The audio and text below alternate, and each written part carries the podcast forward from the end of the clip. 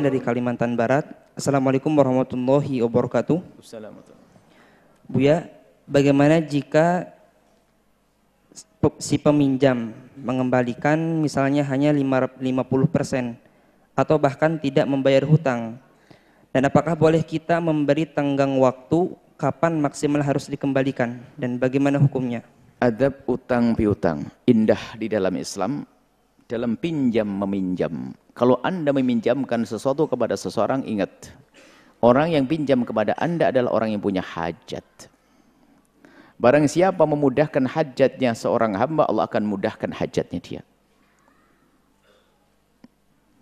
Jangan memanfaatkan kesempatan dalam kesempitan seseorang. Zalim, kurang ajar kepada umat Nabi. Makanya dilarang riba.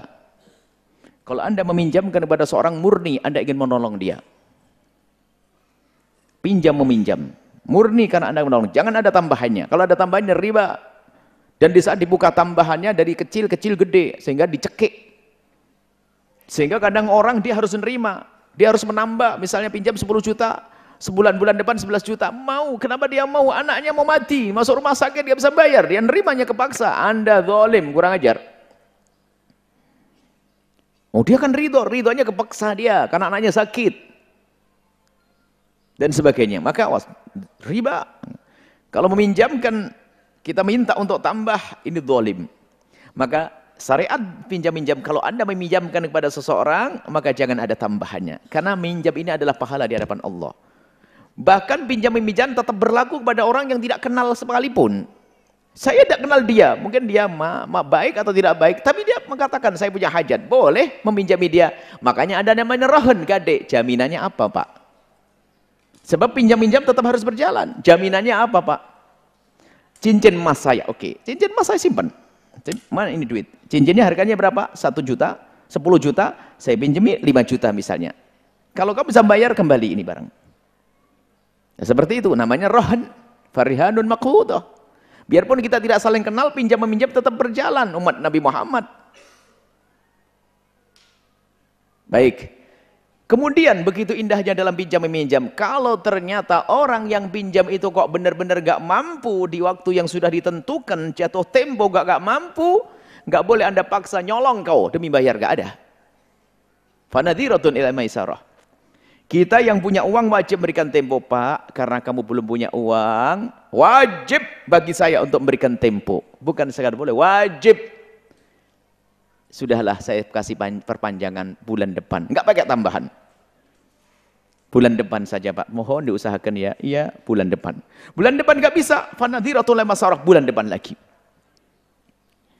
Karena kita niatnya cari pahala.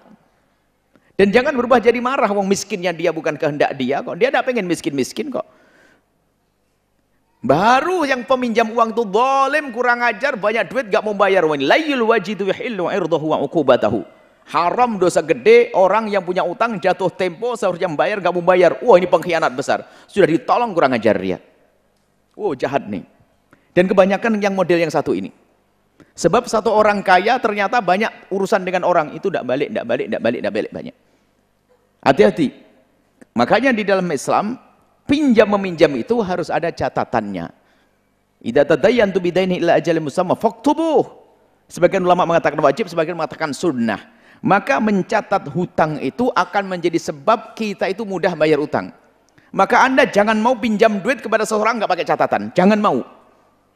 Anda pinjam uang kepada seseorang nggak pakai catatan hitam di atas putih, Anda jangan mau. Karena takut setan membisikkan di hatimu. Nanti kalau saya pakai hitam di atas putih, pakai catatan, nanti ditagih. Itu setan mengajari Anda. Siapa pun yang pinjam duit kok terbetik di hati yang nggak mau bayar utang akan dibersulit oleh Allah. Tapi Anda pede, hitam di atas putih. Bismillah. Catat. Oh, sampel materai 6000. Shh, saya pinjam.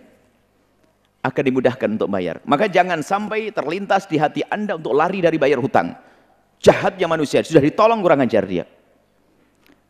Jatuh tempo, nggak bayar utang, banyak sedekah. Setan yang ngajar sedekah, nggak diterima oleh Allah. Utang jatuh tempo, umroh. Lewat masuk neraka lewat Mekah.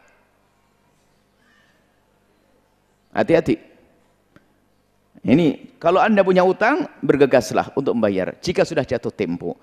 Kalau ada utang belum jatuh tempo, dan Anda punya gambaran di saat jatuh tempo ada yang akan dibayarkan, Anda boleh sedekah hari ini. Maka di sini ada aturan dalam berderma. Kalau Anda masih punya utang jatuh tempo, urusi utangmu Pak Bu. Baru nanti kalau sudah beres urusi sedekah. Jangan dipaksa. Kalau kamu punya utang banyak, sedekah ke pondok nanti utangmu kebayar, tambah nyungsep Pak. Nggak ada kebayar dong duitnya untuk bayar pondok. Haram, nggak boleh. Anda punya utang banyak, dengan bersedekah akan kebayar utangmu, akan tambah utangmu. Ada aturan dalam beramal baik, gak boleh. Kalau ada punya utang, beresi utangmu. Utang jatuh tempo. Lalu siapa yang bantu al-baca? Allah yang bantu, bukan kamu. Kadang-kadang kita dikuasai hawa nafsu, nggak ada yang bantu. Sehingga dia punya utang jatuh tempo, masih memaksakan diri untuk berbuat baik, hati-hati. Kecuali utangnya belum jatuh tembok, utangnya bulan depan. Sekarang saya derma hari ini, oke. Okay. Ini adalah juga ada fikih di dalam utang piutang. Awas yang punya utang, kalaupun ternyata Anda belum bisa membayar dengan benar, jangan pelit Anda untuk minta maaf. Yang jadi masalah pinjam uang tambah lari, disusah cari susah, WA nggak balas-balas. Dulu kalau datang pun minta mau pinjam duit puntennya 16 kali. Punten, punten, punten. Giliran mau bayar utang lari nggak ada. Anda ini siapa? Ini loh. Adabnya mana? Paling tidak minta maaf, mohon maaf datang, Assalamualaikum. Apa bayar utang? Aduh belum mana. Mungkin karena baik akhlaknya Anda mengatakan, sudah bu saya bebaskan. Mungkin. Cuman banyak akhlak jelek. Dicari susah. Katanya pergi, sandalnya utuh di rumah. Gak pakai sandal dia pergi. Ini manusia. Hati-hati urusan utang piutang.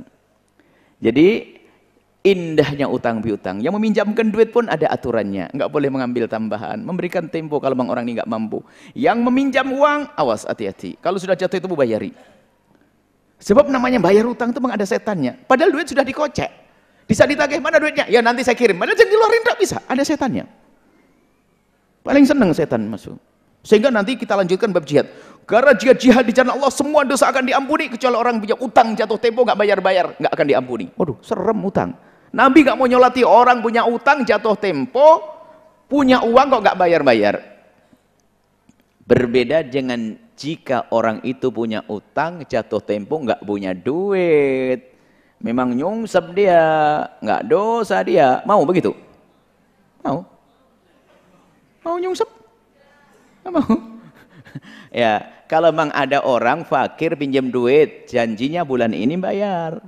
Tapi ternyata nggak ada rezeki. Oh, dia nyesel sedih. Maka nggak dosa. Mati ya selamat dia. Wong nggak mampu dia. Yang bikin nggak mampu kan Allah kenapa? Yang dosa adalah duitnya disimpan. Hah, diwaris sama anaknya. Anaknya nggak tahu diri lagi.